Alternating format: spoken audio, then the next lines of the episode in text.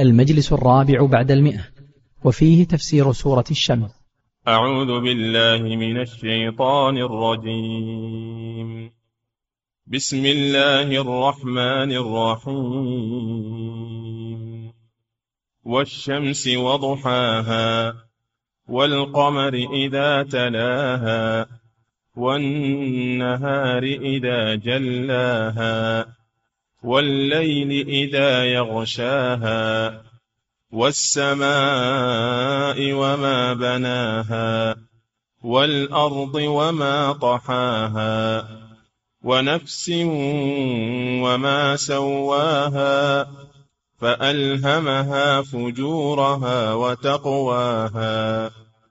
قد أفلح من زكاها وقد خاب من دساها كذبت ثمود بطغواها إذ انبعث أشقاها. فقال لهم رسول الله ناقة الله وسقياها فكذبوه فعقروها.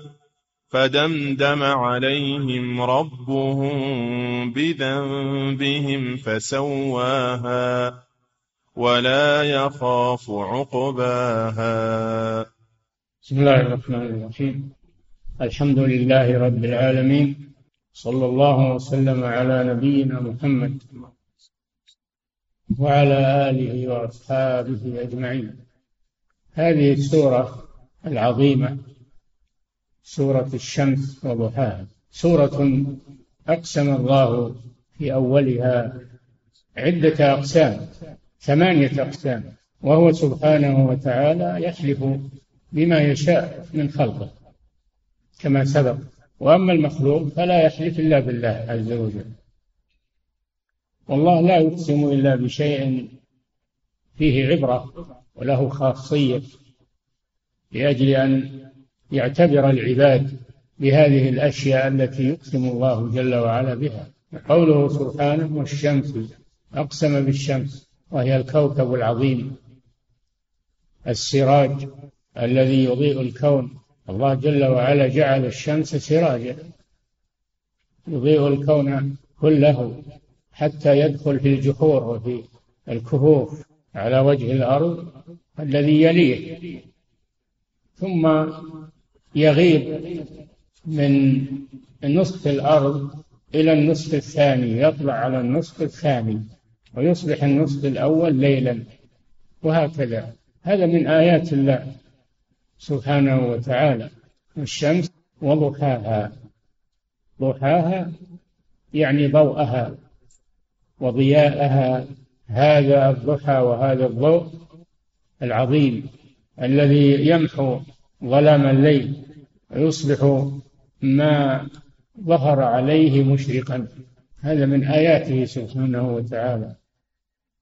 وضحاها يعني ضوءها وإشراقها. ثم هو أيضا لا يتغير ولا ينقص إلى أن يشاء الله جل وعلا نهاية الأجل وانقضاء الدنيا. فهو دائما دائما يضيء هذا الكون المدة التي قدرها الله سبحانه وتعالى. إلا إذا أصابه كسوف إذا أصابه كسوف فإنه يتغير ضوء الشمس وينحجب عن عن عن الناس وعن الأرض. حينئذ تشرع صلاة الكسوف والدعاء. خشية أن يكون هذا بداية عذاب بداية تغير في هذا الكون. ثم أقسم بالقمر. هذا هو الكوكب الثاني والقمر إذا تلاها إذا تلا الشمس. فإذا غربت الشمس أظلم الكون جاء القمر نورا للكون يضيء للناس في الليل.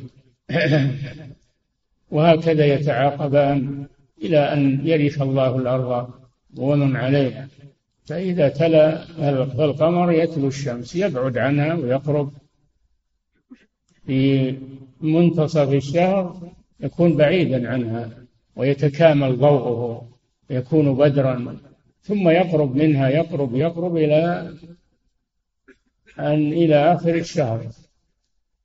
حينئذ يغرب بعدها بيسير فينتهي الشهر.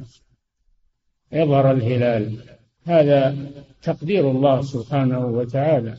والشمس والقمر أيضا يعتريه الكسوف ويصيبه ما يصيب الشمس أحيانا فيشرع حينئذ صلاة الكسوف والقمر إذا تلاها والنهار أقسم بالنهار إذا جلاها جل الكون جل البسيطة جلاها بضوئه وإشراقه بعد أن كانت مظلمة بعد أن كانت مظلمة تصبح مسفرة مضيئة. هذا من آيات الله سبحانه وتعالى. والليل إذا يغشاها. الليل يأتي بعد النهار. يكور الليل على النهار ويكور النهار على الليل. هذا يطلب هذا يطلبه حثيثا. ولكن النهار في وقته والليل في وقته. وقد يتقارضان فيزيد الليل وينقص النهار أو العكس يزيد النهار وينقص الليل. يولج الليل في النهار ويولج النهار في الليل. هذا من آيات الله سبحانه وتعالى. وقد يتساويان في الوقت. هذا من آيات الله عز وجل. ولأجل مصالح العباد.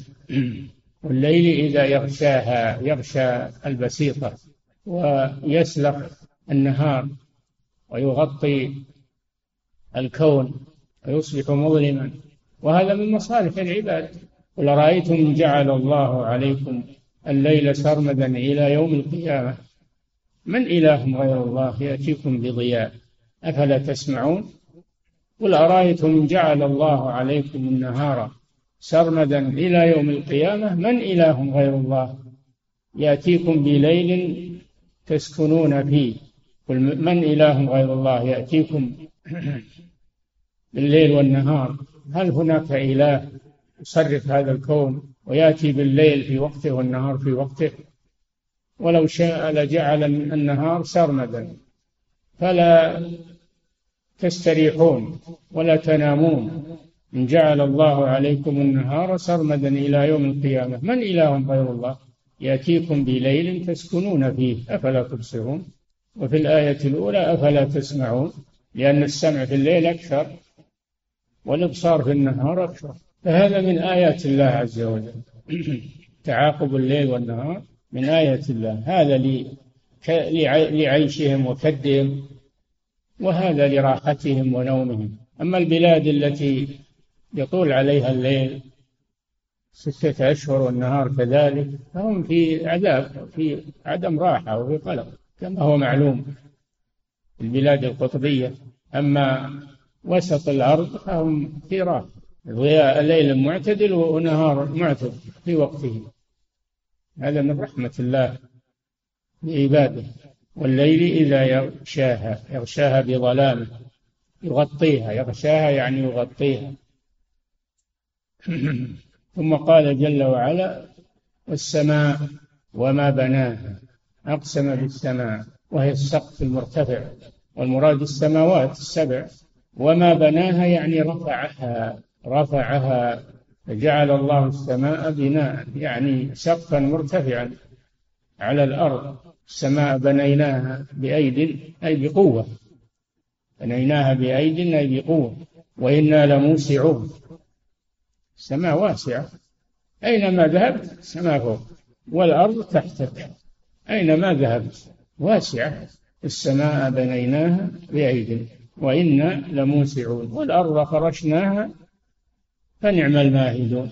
السماء وما بناها. ما قالوا هذه يحتمل أنها مصدرية. تؤول هي وما بعدها بمصدر فيكون تقدير والسماء وبنائها. ويحتمل أنها موصولة. بمعنى الذي. أي والذي بناها وهو الله. سبحانه وتعالى. والأرض وما طحاها أي أوسعها وإنا لموسع وفرشناها فنعم الماهدون.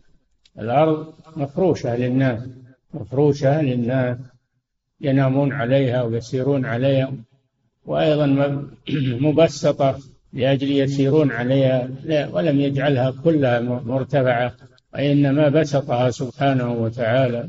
وإلى الأرض كيف سطحت فهي ممهدة ومسهلة للناس لتنتظم معائشهم وراحتهم عليها. فمعنى طحاها يعني أوسعها للناس أوسعها للناس لأجل مصالحهم. ولو كانت الأرض ضيقة تزاحم الناس وتقاتلوا حصل الضرر فوسعها سبحانه ولا يتضايقون فيها. كل يعيش بما عنده من الأرض ولا يحصل زحام ولا يحصل ضرر على الناس كل يعيش في المكان الذي يسره الله له وعنده كل ما يحتاج إليه عنده ما يحتاج إليه من رزق الله سبحانه وتعالى الأرض وما طحاها. هذا من آيات الله عز وجل. خلق السماوات والأرض مع سعتهما لمصالح العباد. الأرض فراش والسماء سقف وجعلنا السماء سقفا محفوظا. سقف للأرض وفيه مصالح للعباد.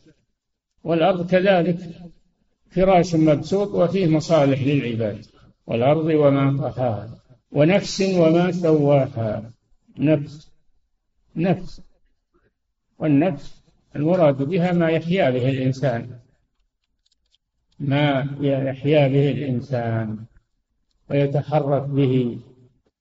فالجسم بدون نفس وبدون روح جثة لا حراك فيها ولا فائدة منه. والنفس هي التي تحركه وتسيره النفس وهي الروح. وهذه الروح من آيات الله عز وجل. ولا تعلم حقيقتها. البشرية بعلومها وتجاربها عاجزة تدرك الروح ما حقيقة الروح. الله أعلم بها. الله أعلم بها سر من أسرار الله عز وجل. لا يعلمه إلا الله. ويسألونك عن الروح. قل الروح من أمر ربي. وما أوتيتم من العلم إلا إلا قليلا. وهذه الروح تتصل بالبدن وتنفصل عنه. فتتصل به وهو في بطن أمه. وتتصل به بعد ولادته. مدة عيشه في الدنيا في اليقظة. تتصل به في النوم. وتتصل به في القبر والبرزخ تتصل به في الآخرة. وهذا اتصال لا انفصال منه. اتصالها في الآخرة لا انفصال منه. حياة لا موت بعدها. فهذا من آيات الله عز وجل. هذه الروح وهذه النفس من آيات الباري جل وعلا. عجزت البشرية عن إدراكها وعن معرفة حقيقتها. مع أنها بين بين أضلاعهم في أجسامهم ومع هذا لا يعلمون حقيقته هذا الإنسان اللي معجب بنفسه ويرى أنه أدرك كل شيء وعرف كل شيء هو جاهل لا يعرف حقيقة نفسه ما أقرب شيء إليه ما يدري عنه. الله جل وعلا يقول وما أوتيتم من العلم إلا قليلا. ونفس تنكير نفس لتعم كل النفوس. البهاي الحياة الإنسان والبهائم والحشرات كل ما يتحرك كل ما فيه روح فالله أقسم بها. بجميع الأرواح أرواح المخلوقات المتحركة من الآدميين والبهائم والحشرات وغير ذلك. كل شيء فيه روح تناسبه. نفس وما سواها. الله جل وعلا سوى النفوس بأن أعطى النفوس كل ما تحتاج إليه بحسبها فألهمها فجورها وتقواها. النفس إما فاجرة خارجة عن طاعة الله فاسقة منحطة وإما تقية صالحة بارة. النفوس ليست على حد سواء. هذا من آيات الله عز وجل. والله هو الذي ألهمها ذلك. ألهمها فجورها وألهمها تقواها. الأمر بيد الله عز وجل. ألهمها فجورها وتقواها. وهذا بقضاء الله وقدره وهو من آياته سبحانه وتعالى. ولكن الإنسان سبب سبب في سعادة نفسه أو شقاوتها. فالقدر بيد الله والسبب من من المخلوق. ألهمها فجورها وتقواها. ولهذا قال قد أفلح قد أفلح من زكاها قالوا هذا جواب القسم. جميع الأقسام السابقة هذا جوابها. قد أفلح قد أفلح أي فاز. فاز ونجا. من زكى نفسه بالطاعة ورفعها بالعبادة وأكرمها ورعاها رعاية صحيحة هذا يفلح ويربح ويفوز في الدنيا والآخرة. فهو السبب في ذلك. قد أفلح من زكاها. والتزكية يراد بها التطهير يراد بها التطهير ويراد بها النمى والزيادة. فتزكية النفس بطاعة الله عز وجل. والعبد سبب في تزكيتها. وتزكية النفس على قسمين. قسم منهي عنه. فلا تزكوا أنفسكم. هذا معناه الذي يمدح نفسه. يمدح نفسه ويكملها بالمدح. لا لا يجوز إن الإنسان يمدح نفسه. ولا تزكوا أنفسكم. واعلموا بمن اتقى. لم تر إلى الذين يزكون أنفسهم. بل الله يزكي من يشاء ولا يظلمون فتيلا الإنسان ما يمدح نفسه ويترفع بها. بل يرى أنه مقصر وأنه ناقص في عبادة الله وأنه مقصر مع نفسه دائما وأبدا. من أجل أن يطلب المزيد. إذا شعر بالنقص فإنه يطلب المزيد. أما إذا شعر بالمزيد فإنه لا لا يطلب شيئا لا يطلب زيادة وهو ليس بكامل. الإنسان مهما عمل ليس بكامل ناقص دائما وابدا ولكن الله يعفو ويتجاوز. الإنسان لا يزكي نفسه بمعنى يمدحها ويرفعها على الناس لكنه يزكيها بطاعة الله وعبادة الله يرفعها عن الدنايا وعن الخسائس وعن الانحطاط. يرفع نفسه. يرفعها عن السفهاء وعن الفسقة وعن مجالس السوء. ترفع بنفسه عن الدنايا. هكذا يجب على الإنسان مع نفسه. قد أفلح من زكاها وقد خاب من دساها. خاب خسر من دساها. دساها يعني دسها بالتراب. دسها بالتراب ودنسها بالمعاصي وخلطها مع الأشرار دنسها بالمحرمات والشهوات التي تضرها.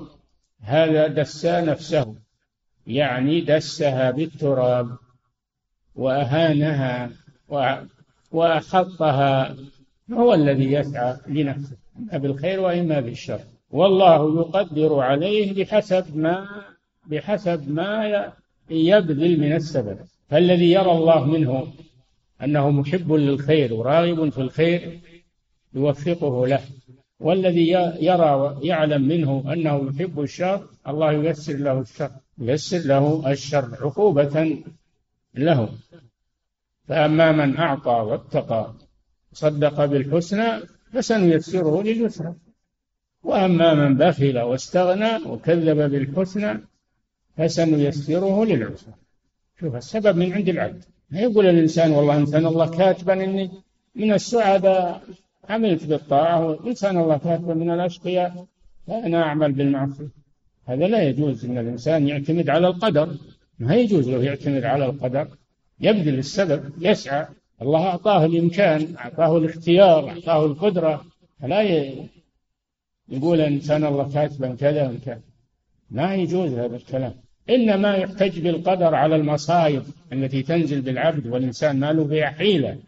مصائب أما المعايب والذنوب فلا يحتج الإنسان عليها بالقضاء والقدر لأنها فعله وكسبه باختياره فعليه التوبة إلى الله والاستغفار والاعتراف بالذنب. ولا يحتج بالقدر على المعاصي وعلى الذنوب والسيئات. لا, لا يجوز هذا. هذا من المغالطة. التي يغالط بها بعض الأشقياء. قد أفلح من زكاها. شوف نسب التزكية إلى صاحبها. وقد خاب من دساها. نسب التدسية إلى صاحبها.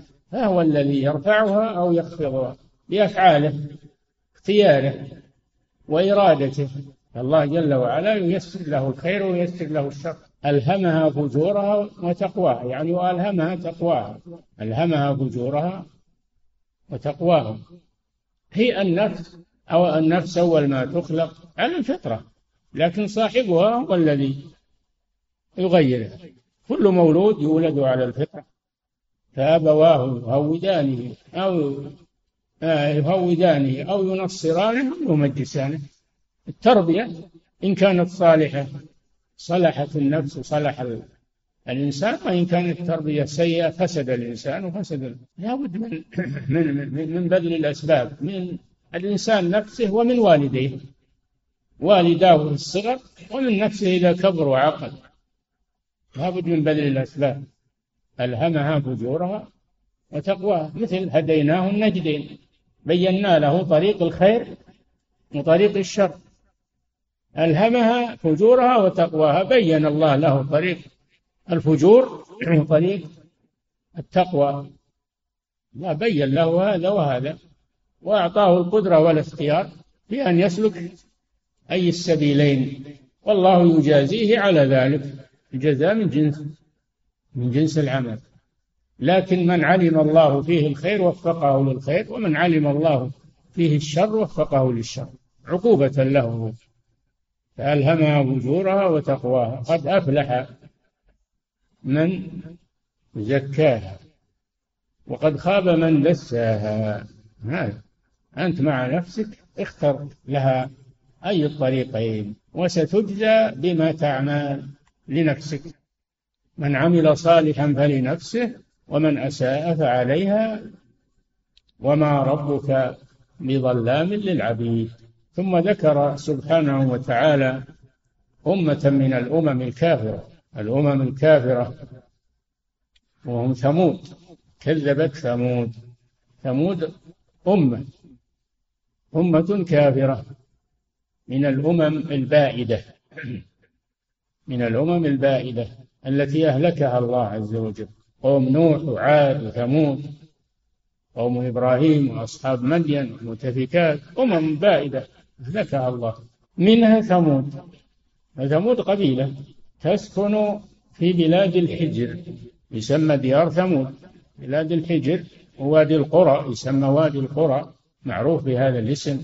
وهو على طريق أهل الحجاز إذا ذهبوا للشام يمرون بطريق يمرون بالحجر على طريقهم. فثمود هذه الأمة التي تسكن في هذا الوادي وهو واد خصب. واد خصب فيه مياه عذبة وفيه نخيل وفيه مزارع. فيه قوة. وكانت هذه الأمة تعيش فيه تعيش فيه عيشة غنية كريمة لأنه خصب. لكنهم كفروا بالله عز وجل وأشركوا بالله وعبدوا الأصنام. ما شكروا الله على نعمته وعلى ما هم فيه من رغد العيش وخصوبة البلاد بل كفروا نعمة الله وبطروا أعطاهم الله قوة فصاروا يبنون في السهول القصور وينحتون الجبال بيوتا يسكنونها لا تزال بيوتهم باقية إلى الآن منحوتة في الجبال. عبرة. تلك بيوتهم خاوية بما ظلموا فتلك مساكنهم لم تسكن من بعدهم إلا قليل. إلى الآن هي خاوية يراها المارة في ديار ثمود يسمونها مداين صالح. وديار ثمود موجودة الآن مساكنهم في الجبال وأعمالهم في الجبال ونحتهم للجبال بطرق عجيبة وهندسية وأشكال ما نفعهم ذلك لما كفروا بالله عز وجل. ف والذهاب إليها قصدها للذهاب ما يجوز السفر لها لكن إذا مر الإنسان بها في طريقه ونظر إليها من باب الاعتبار والاتعاظ لأنها آية من آيات الله. فلم يسيروا في الأرض فينظروا كيف كان عاقبة الذين من قبلهم. فينظر إليها نظر اعتبار واتعاظ وخوف ولا ينظر إليها نظر إعجاب لأنها آثار كفار طغاة. كيف تعجب بآثار الطغاة والكفار؟ وتفتخر بذلك تقول هذه حضارة وهذه وهذا ما يجوز هذا لا يجوز هذا. النبي صلى الله عليه وسلم لما مروا بهم في طريقهم إلى تبوك إلى غزوة تبوك قال لأصحابه لا تدخلوا على هؤلاء لا تدخلوا على هؤلاء إلا أن تكونوا باكين أن يصيبكم ما أصابه أن يدخل ويضحك وهو معجب بها. و... هذا هري أن يصاب أن يصاب بقسوة القلب يصاب بالإعجاب بالكفار وأما الذي يدخلها ويمر بها خائفا ومعتبرا فهذا يستفيد منه. تلك مساكنهم لم تسكن من بعدهم. تلك بيوتهم خاوية بما ظلموا. أين هم هذه الأمة العظيمة التي هذه آثارها؟ ما نفعتها ولا أبقتها. كذبت ثمود بطغواها بسبب طغيانها. والطغيان هو مجاوزة الحد فهي طغت وبغت على عبادة الله عز وجل وأشركت بالله فبعث الله إليهم نبيه صالحا عليه الصلاة والسلام نبيا منهم من قومه. يدعوهم إلى الله وينهاهم عن الشرك وعبادة غير الله ويذكرهم بنعمة الله عليهم. فلما جاءهم قالوا هذا بشر مثلنا هذا بشر مثلنا كيف نطيعه؟ وهو بشر وهو بشر مثلنا اقترحوا عليه آية يعني معجزة تدل على صدقه من باب التحدي لا من باب طلب الآية للإيمان إنما طلبوها من باب التحدي والتعجيز لصالح. عليه الصلاة والسلام. أتنا بآية إن كنت من الصادقين. فالله أخرج لهم ناقة عظيمة من صخرة. أخرجها من صخرة. ناقة عظيمة. من صخرة وكان فيها لبن يكفي القبيلة يكفي أهل البلد كله. وكانوا كانت تشرب الماء في يومها لها شرب ولكم شرب يوم معلوم.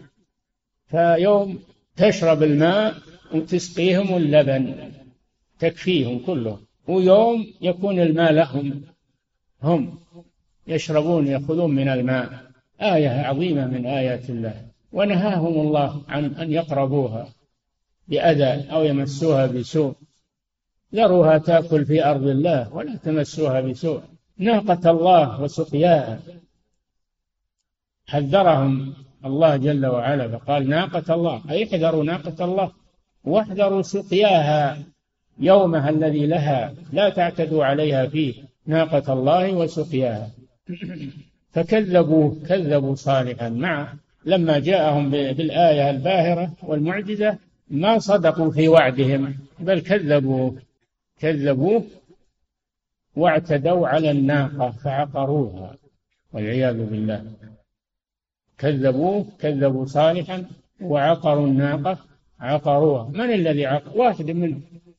واحد منهم انتدبوه لها يسمى قدار بن سالف من من أقواهم ومن أشرفهم ومن انتدبوه لها وتمالأوا معه فنادوا صاحبهم فتعاطى فعقر تعاطى فعقر تعاطى مفتخرا بنفسه وعقر الناقة قتلها كذبوه فعقروها كذبوه كذبوا نبيهم فعقروا الناقة وعتوا عن أمر ربهم فلما عقروها قال لهم صالح تمتعوا في داركم ثلاثة أيام. ذلك وعد غير مكذوب. بعد الثلاثة يأتيكم العذاب. فلما مضت الثلاثة جاءهم العذاب. صاح بهم جبريل عليه الصلاة والسلام صيحة واحدة صاعقة. قطعت قلوبهم في أجوافهم وماتوا عن آخرهم. إنا أرسلنا عليهم صيحة واحدة. ما كررها مرات. مرة واحدة قضت عليهم. صيحة واحدة. فكانوا كهشيم المحتضر.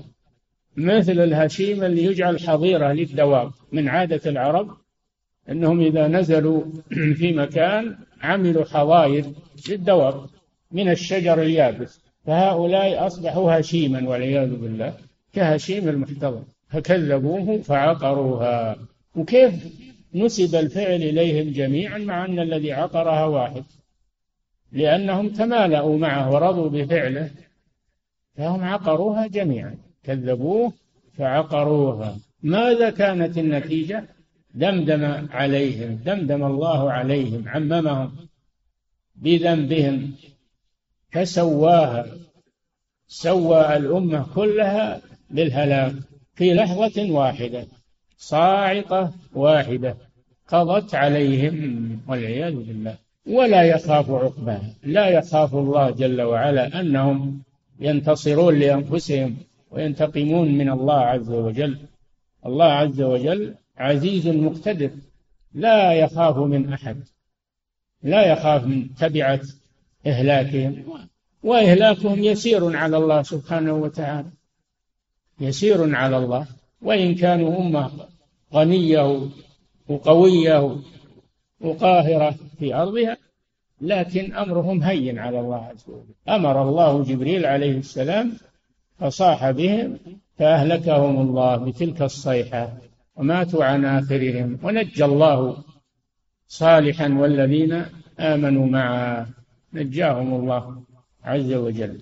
ولا يخاف الله من هؤلاء أنهم ينتصرون لأنفسهم أو ينتقمون لأنفسهم ولا يبالي الله بهم أيضا فهو سبحانه غني عنهم وملكه تام لا ينقصه شيء سواء هلكوا أو أو بقوا لا ينقصه ولا يزيده شيء سبحانه وتعالى ولا يخاف عقبها هذه قصة قوم ثمود وهم قوم صالح عليه الصلاة والسلام. ما نفعتهم قوتهم ولا أغنتهم بلادهم وصالح شخص واحد ما قدروا على أن ينتقموا منه ولا أن يمسوه بسوء وهو شخص واحد بينهم.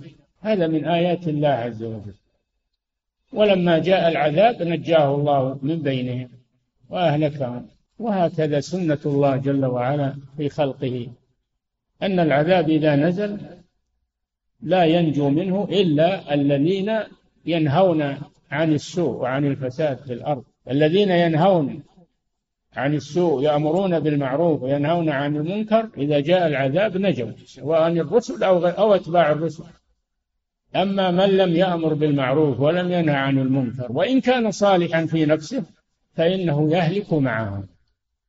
يهلك معهم لأنه لم يقم بالأمر بالمعروف والنهي عن المنكر فيعمه العذاب معه ويبعثه الله يوم القيامة على نيته. لكن في الدنيا يصيبه العذاب. فلما نسوا ما ذكروا به أنجينا الذين ينهون عن السوء وأخذنا الذين ظلموا بعذاب بئيس. ما كانوا يفسقون. لم ينجي الله إلا الذين ينهون عن السوء. الذين كانوا يأمرون بالمعروف وينهون عن المنكر هؤلاء ينجون إذا نزل العذاب. أما من سكت ولو كان صالحا مؤمنا فإنه يهلك مع الهالكين. ولا حول ولا قوة إلا بالله. هذا آخر تفسير سورة الشمس وضحاها. والحمد لله رب العالمين. صلى الله وسلم على نبينا محمد وعلى آله وأصحابه أجمعين. يقول فضيلة الشيخ وفقكم الله. يقول تذكر بعض النظريات الحديثة أن الأرض تدور حول الشمس. وظواهر نصوص الكتاب والسنة تدل على أن الشمس هي التي تدور حول الأرض. فهل, فهل من نفى ذلك يكون كافرا لتكذيبه الكتاب والسنة؟ من كان مقلدا ولا جاهلا لا يكفر لكن يقال هذا ضلال. أما من كان متعمدا تبين له الدليل من الكتاب والسنة عن جريان الشمس على الأرض حول الأرض وكذب بهذا إنه يكفر. اللي يقدم النظرية على القرآن هذا يكفر. أما إنسان مقلد أو إنسان جاهل فهذا يعتبر ضالا في كلامه. فالشمس هي التي تدور على الأرض والأرض ثابتة ومستقرة وهذا شيء واضح ومشاهد. نعم. يقول فضيلة الشيخ وفقكم الله في قوله سبحانه وتعالى والنهار إذا جلاها أليس الضمير عائدا على الشمس؟ وأنه يظهر وأنه يظهر نورها جليا واضحا؟ لا لا. يعني الشمس تضيء نفسها؟ لا. الشمس تجلي الأرض تجلي الكون تجلي الكون تنسخ الظلام. أما أنها هي تجلي نفسها ليست بحاجة إلى. نعم. يقول فضيلة الشيخ وفقكم الله في قوله سبحانه والسماء وما بناها.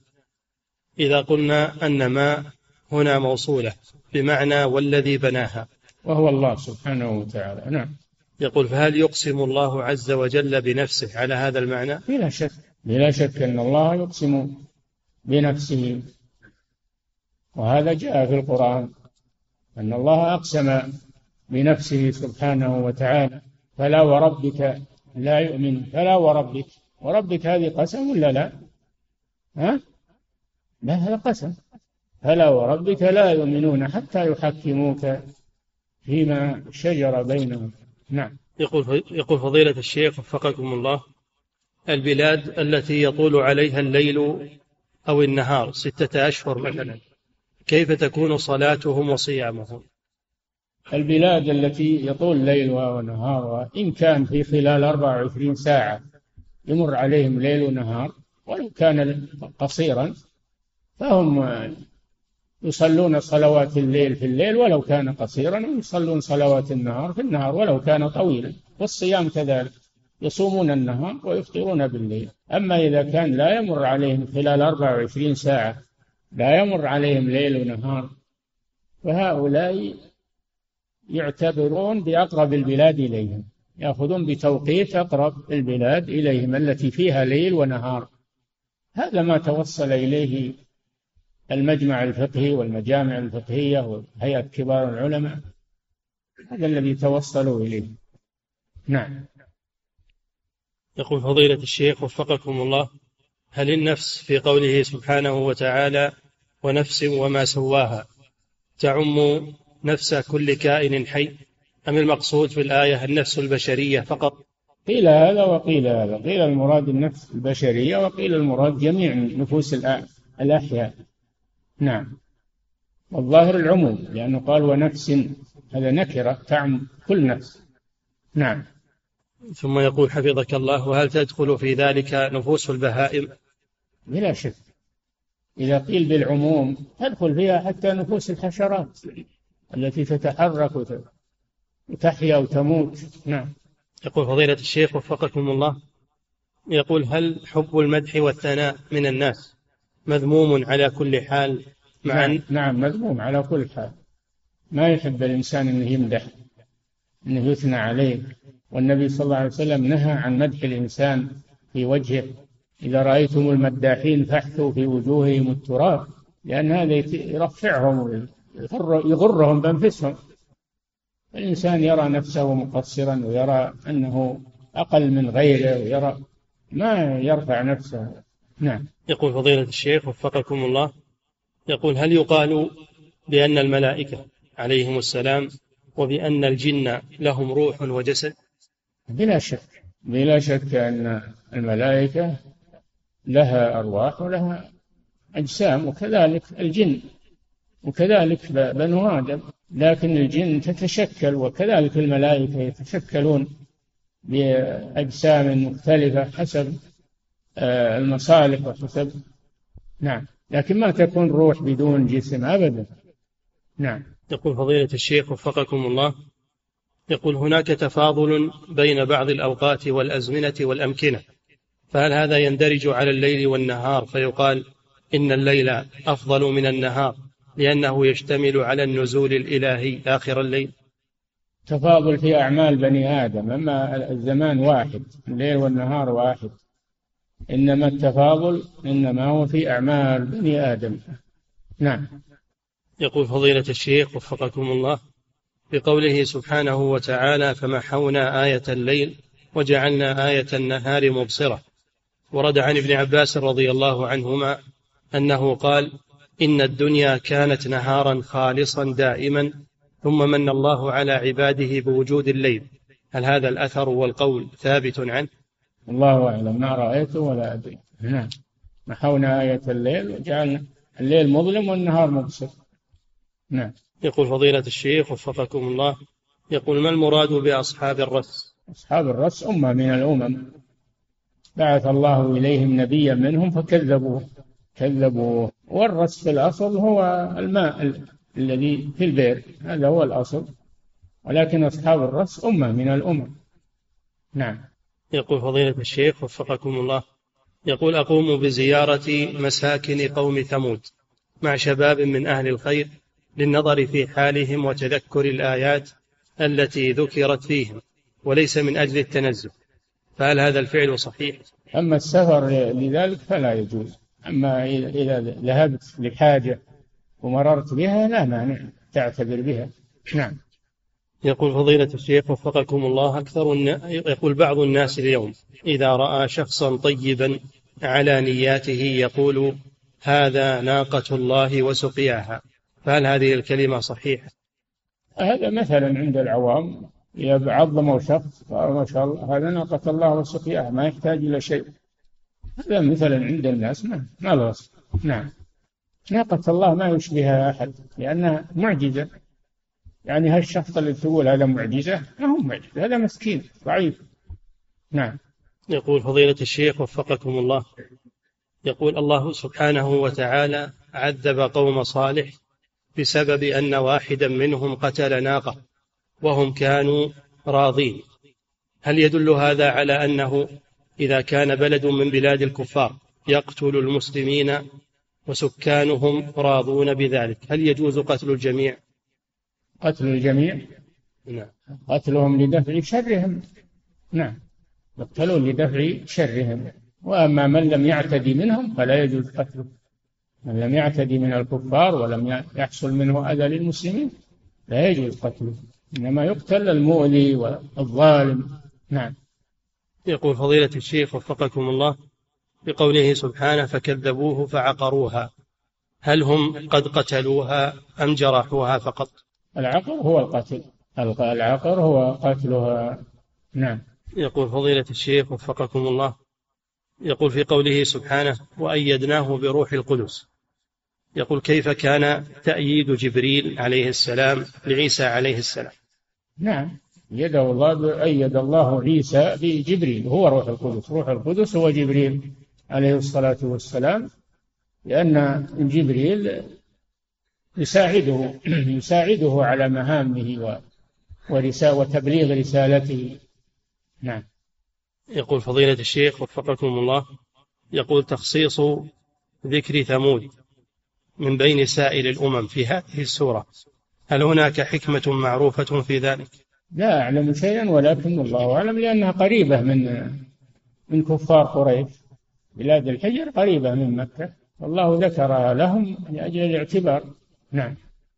أقرب شيء هي بلاد ثمود إلى أهل الحجاز. بل هي من أرض الحجاز. نعم. يقول فضيلة الشيخ وفقكم الله في قوله سبحانه فتلك مساكنهم لم تسكن من بعدهم إلا قليلا. هل الاستثناء في قوله سبحانه إلا قليلا استثناء منقطع أم أما المراد بالمعنى. يجوز السكنى في بلاد الكفار التي لم ينهى الله عن سكنها.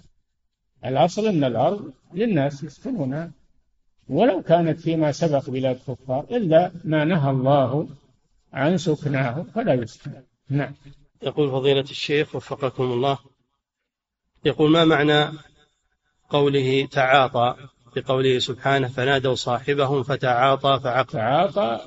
اللي نسميه نقز على رجليه من القوة الإنسان يبغى يعمل شيء ما تشوفونه ينقز على رجليه هذا تعاطى نعم.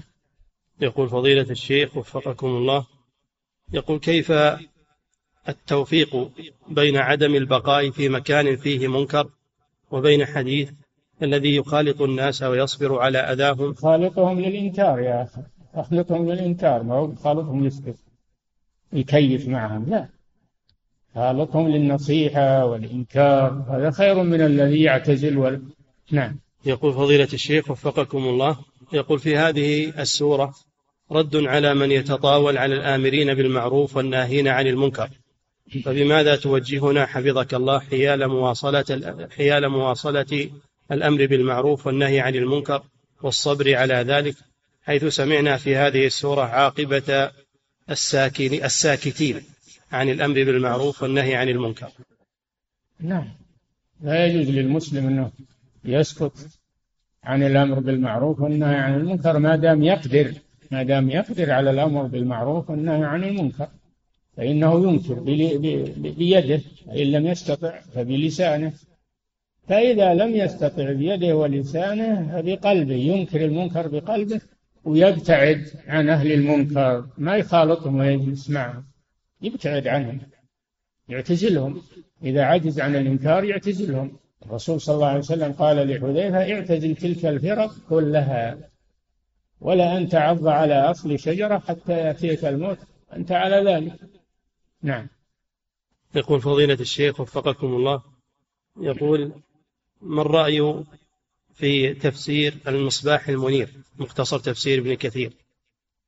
ما قرأت فيه لكن ابن كثير ما يحتاج إلى اختصار هو مختصر. ما يحتاج إلى اختصار وهو مختصر في نفسه ومفيد جدا مبني على أصول التفسير الصحيحة. نعم. وكذلك إذا اختصروا ما سووا شيء ما سووا شيء. نعم. وكذلك حفظك الله يقول التفسير الميسر. تفسير الميسر ما هو تفسير؟ تفسير بالمعنى العام والإجمالي ما هو تفسير تام تفسير ما فيه أحكام ما فيه آه، أصول التفسير المعروفة ما فيه. إنما هو كلام عام معنى إجمالي اللي يسمونه المعنى الإجمالي فقط. نعم. يقول فضيلة الشيخ وفقكم الله بعض الناس يقرأ كل يوم سورتي ياسين والواقعة ويقول إن فيها فضائل دنيوية وأخروية. فهل هذا وارد؟ لا أعلم أن هذا وارد. اللي يقرأ في اليوم في المساء والصباح هو سورة الإخلاص وآية الكرسي آية الكرسي وسورة الإخلاص والمعوذتين الذي يقرأ في الصباح وفي المساء من باب الورد. أما قراءة الواقعة وياسين ما, ما أعرف شيء من هذا نعم. يقول فضيلة الشيخ وفقكم الله. يقول هناك بعض الأشخاص يقولون بأن وضع المصحف أو وضع ورقة فيها آيات داخل السيارة إن هذا يقي الإنسان من الحوادث. فهل هذا صحيح؟ هذا من اتخاذ الحروب اللي يأخذ المصحف ما هو قصده للتلاوة للقرآن وإنما قصده بالحفظ هذا ما يجوز. ما يجوز اتخاذ المصحف للحفظ. نعم. يقول فضيلة الشيخ وفقكم الله. يقول كيف الجمع بين قول الله سبحانه في الحديث القدسي كلكم ضال إلا من هديته وقوله صلى الله عليه وسلم ما من مولود إلا ويولد على الفطرة. ليس هناك مش إشكال بين قوله صلى الله عليه وسلم كل مولود يولد على الفطرة وبين قول الله جل وعلا في الحديث القدسي كلكم ضال إلا من هديته فاستهدوني أهدكم. لأن حديث كل مولود يولد على الفطرة أنه مهيأ لقبول الحق مهيأ لقبول الحق والفطرة ما تكفي لابد من الاستضاءة بالكتاب والسنة بعد ما يبلغ الإنسان ويعقل ما تكفي الفطرة. ولذلك أرسل الله الرسل ولو كانت الفطرة كافية لما أرسل الله الكتب وأنزل لما أنزل الله الكتب وأرسل الرسل ما تكفي الفطرة. فمع الفطرة إذا إذا الإنسان بلغ الحلم فإما أن يسلك طريق الخير وإما أن يسلك طريق الشر. فالإنسان عرضة للضلال إلا إذا هداه الله لطريق الخير. نعم. يقول فضيلة الشيخ وفقكم الله يقول نزلت سور في القرآن فيها ترادف. فيها؟ فيها ترادف كسورة الليل والضحى. فيها إيش؟ ترادف. ها؟ ترادف. ترادف؟ نعم. ما أعرف ترادف ما ما في سور فيها ترادف الكلام كلام العرب فيه فيه مترادف وفيه إذا إذا اتفق اللفظ والمعنى صار الكلام مترادفا. هذا معنى الترادف. إذا اتفق اللفظتان في المعنى إذا اتفق الكلمتان في اللفظ والمعنى فهذا مترادف. وما أعرف أن القرآن بعضه مترادف. نعم. يقول فضيلة الشيخ وفقكم الله. يقول كيف تكون الروح متصلة بالجسد في القبر. الله أعلم. لا يعلمه إلا الله. أمور البرزخ لا يعلمها إلا الله. ولكن إذا وضع في قبره ودفن جاءه الملكان وأعيدت روحه في جسده وأقعداه وسألاه وأجاب. فهذا شيء لا يعلمه إلا الله. لكن نؤمن به ونثبته. نعم. يقول فضيلة الشيخ وفقكم الله. يقول كيف يقوم الإنسان بتزكية نفسه؟ بالمدح بمدح نفسه والإعجاب بها مدحها والإعجاب بها. هذا معنى نعم. فضيلة الشيخ وفقكم الله هذا سائل أتى بورقة يسأل يقول هل يجوز توزيع مثل هذه الورقة في المسجد؟ وهي استغفار عن عدد من الذنوب. يقول هل توزع مثل هذه الورقة؟ لا يعني ما توزع. ما يوزع إلا شيء ثابت في الكتاب والسنة. ونظر فيه أهل العلم وأقروه. ما يوزع إلا شيء عليه ختم دار الإفتاء ما كل يطبع ويوزع. لابد يمر على دار الإفتاء يفحص وينظر فيه هل يصلح أو لا. نعم. يقول فضيلة الشيخ وفقكم الله. يقول هل ثبت أن النبي صلى الله عليه وسلم كان يقرأ في المغرب بسورة المرسلات؟ نعم. ورد أنه قرأ فيها بالأعراف وورد أنه قرأ فيها بالمرسلات. نعم. وهل تقسم بين الركعتين؟ لا مانع. لا مانع أنها تقسم بين الركعتين. نعم. ويقول حفظك الله وهل يقال بأنها سنة مهجورة الآن؟ نعم هو سنة. هو سنة. فإذا قرأ بها بعض الأحيان لإحياء للسنة فهو على أجر. نعم. يقول فضيلة الشيخ وفقكم الله يقول السائل يقول والدي ينام عن الصلاة أحيانا فهل يجوز أن قرأ فيها بالطور أيضا قرأ في المغرب بالإعراب وبالمرسلات وبالطور. نعم. يقول حفظك الله يقول والدي ينام عن الصلاة أحيانا فهل يجوز أن أستغفر له وأن أدعو له؟ إذا كان متعمدا إذا كان متعمدا للنوم عن صلاة يخرجها عن وقتها فهذا متعرض لخطر في دينه ربما يخرج من الدين فهذا خطر عظيم. فلا تتركه ينام أيقظه أيقظه واحرص عليه. نعم. يقول فضيلة الشيخ وفقكم الله وهذا سائل يقول لي أخت كانت تصلي ولكنها تركت الصلاة فهل أصلها؟ علما بأننا قد نصحناها ولكنها لم تستجب. إذا كانت تترك الصلاة متعمدة إنها تخرج من الدين ويجب هجرها ومقاطعتها إذا كان هذا يردعها تهجر تقاطع حتى تتوب إلى الله عز وجل.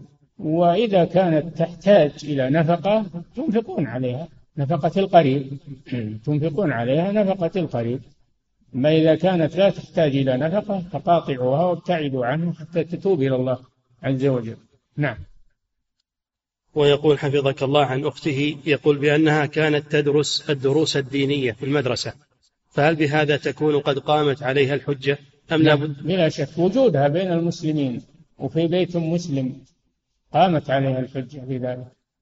فكيف إذا كانت تعلمت ودرست؟ نعم. يقول فضيلة الشيخ وفقكم الله يقول هل هناك فرق بين النصيحة وبين الأمر بالمعروف والنهي عن المنكر؟ هو النصيحة الأمر بالمعروف والنهي عن المنكر من النصيحة بل هو أعظم النصيحة. نعم. يقول فضيلة الشيخ وفقكم الله يقول السائل ابنتي تعاني من فقر دم شديد وإذا صامت يغمى عليها. قد أفطرت أياما عديدة في شهر رمضان المنصرم فما الواجب عليها وفقك الله؟ إذا كانت تقدر على القضاء يأتيها وقت تستطيع القضاء يجب عليها القضاء. إذا كانت لا تستطيع القضاء لا الصيام في رمضان ولا القضاء بعد رمضان بصفة مستمرة هذه يطعم عنها عن كل يوم مسكين. نعم. يقول فضيلة الشيخ وفقكم الله يقول شخص حلف على آخر أن يجلس عند عند المركع. يقول شخص حلف على آخر أن يجلس عند المركع أو المسند. فرفض. نعم. إيه. فرفض وجلس في مكان آخر. ثم إن الحالف أخذها المركع وحلف عليه مرة أخرى. فرفض مرة أخرى. فكم عليه من كفارة؟ عليه كفارة لأنه حلف على شخص أنه يفعل شيئا ولم يفعله. متعمدا. ترك الإبرار باليمين متعمدا. الكفارة على الحالف. كفارة يمين على الحالف نعم من حلف على غيره أن يفعل أو لا يفعل فخالفه المحلوف عليه وجبت اليمين على الحالف نعم. يقول فضيلة الشيخ وفقكم الله يقول أيهما أفضل إبقاء اللحية على ما هي عليه إذا كانت بيضاء أم الأفضل أن يقوم الإنسان بصبغها وتغيير الأفضل أنه يغيرها هذا هو الأفضل. وإن تركها بيضاء فلا مانع. الصحابة منهم من يصبغ ومنهم من لا يصبغ لا مانع من تركها بيضاء. نحن أدركنا علماء ما كانوا يصبغون الشيخ محمد بن إبراهيم رحمه الله ما كان يصبغ الشيخ ابن سعدي ما كان يصبغ الشيخ عبد اللطيف بن إبراهيم ما كان يصبغ فهم فعلوا الجائز فعلوا الجائز وتركوا الأفضل. نعم. يقول فضيلة الشيخ وفقكم الله. يقول تزوجت امرأة من رجل وبعد أن أنجبت له ولدين. نعم. يقول تزوجت امرأة من رجل وبعد أن أنجبت له ولدين عمل زوجها في بنك ربوي فهل عليها إثم في بقائها معه؟ وهل الأفضل لها أن تخلع نفسها منه؟ هل ما عنده دخل إلا من البنك؟ إذا كان ما عنده دخل إلا من البنك فإنها تطالبه بالخلع أو أو الطلاق. أما إذا كان عنده دخل من البنك وغيره فإنها لا لا مانع أنها تبقى عنده لأنه لا يتعين أن يكون ما أنفق كله من البنك. نعم. يقول فضيلة الشيخ وفقكم الله يقول كنت أنا ومعي ثلاثة من الإخوة مسافرين في رمضان فصلينا جميعا صلاة القيام في السيارة كان السائق هو الإمام وواحد عن يمينه واثنان خلفه. يقول كنت أنا ومعي ثلاثة من الإخوة مسافرين في رمضان. فصلينا جميعا صلاة القيام في السيارة. إيه. كان السائق هو الإمام وواحد عن يمينه واثنان خلفه. وفعلنا ذلك لكي لا يشغل لكي لا يشغل بعضنا بعضا. فهل فعلنا هذا صحيح؟ من صلاة النافلة على الراحلة أو على المركوب إذا كان صلاتها على الأرض يعوق السفر لا مانع من ذلك. كان النبي صلى الله عليه وسلم يتنفل على راحلته أينما توجهت به عليه الصلاة والسلام. فإذا كان هذا في النافلة فلا بأس. نعم. يقول فضيلة الشيخ وفقكم الله يقول من أتى للمملكة بنية الحج وذلك في شهر شوال ولكن اعتمر فقط عند وصوله وفي شهر ذي الحجة ينوي أن يحج مفردا. فهل فعله صحيح؟ لا, لا ما يصير مفرد. إذا اعتمر في أشهر الحج في شوال أو في ذي القعدة أو في أول ذي الحجة ثم حج من عامة فهو متمتع. ما يكون مفردا. نعم. يقول فضيلة الشيخ وفقكم الله يقول هل يجوز لخطيب الجمعة أن يقدم أحد الحاضرين للصلاة بدلا عنه؟ وهل إدامة هذا الأمر تقديم غير الخطيب ليصلي إماما بالناس؟ هل هذا خلاف السنة؟ لا بأس بذلك. لا بأس أن يخطب واحد ويصلي آخر لا مانع من ذلك. نعم. يقول فضيلة الشيخ وفقكم الله هل التثويب في الأذان بالنسبة للفجر هل هو في الأذان الأول أم في الأذان الثاني؟ لا في الثاني مو في الأول. الأول يغر الناس. الثاني علشان يعرفون أنه طلع الفجر. نعم. يقول فضيلة الشيخ وفقكم الله يقول ما حكم إجهاض الجنين في بطن أمه قبل بلوغه أربعة أشهر لأجل المصلحة؟ ما يجوز إجهاض الجنين إلا بقرار من الأطباء وفتوى من دار الإفتاء لابد من الأمرين. قرار من أطباء لجنة طبية معتمدة تعرض على دار الإفتاء وينظرون فيها. ما كل يلعب بالحمل وكل يجهض ما يجوز نعم.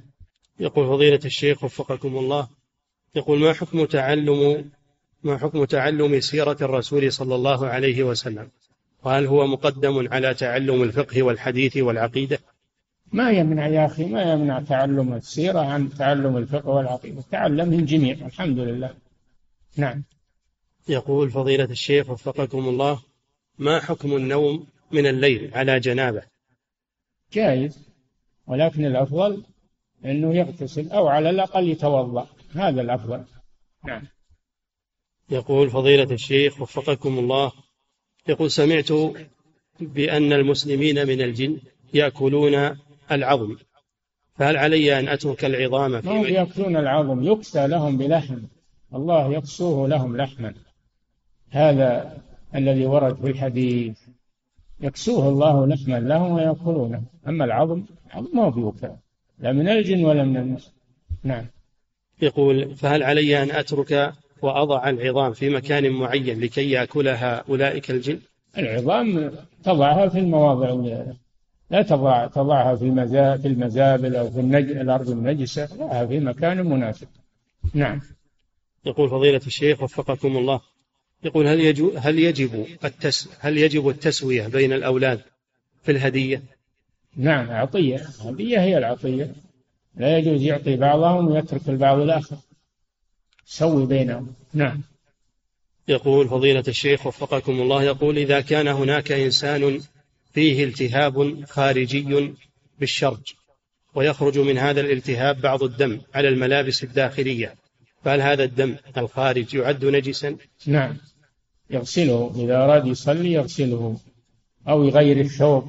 يصلي بثوب ما فيه دم. نعم. يقول بعض يقول فضيلة الشيخ وفقكم الله بعض الناس يقول شمالك يمين. إذا أعطاه شخص حاجة بشماله. فهل في هذا القول شيء؟ إيش؟ يقول بعض الناس يقول شمالك يمين. يمين؟ نعم. هذا في حق الله عز وجل. أما المخلوق فلا تكون شماله يمينا. هذا خاص بالله عز وجل. نعم. يقول فضيلة الشيخ وفقكم الله يقول هل يجوز الفصل بين صيام الست من شوال بصيام الأيام البيض الثلاث؟ لا مانع. تصام الست من شوال متتابعة أو متفرقة ما في مانع. نعم. يقول فضيلة الشيخ وفقكم الله يقول ذكرتم حفظكم الله أن قوله سبحانه ونفس وما سواها قيل إنه يعم كل أرواح المخلوقات. يقول ألا يدل قوله سبحانه بعدها فألهمها فجورها على أنها خاصة بالآدميين تسوية عامة وأما الهداية والإضلال هذا خاص بالآدميين نعم. انتهى. الله تعالى أعلم.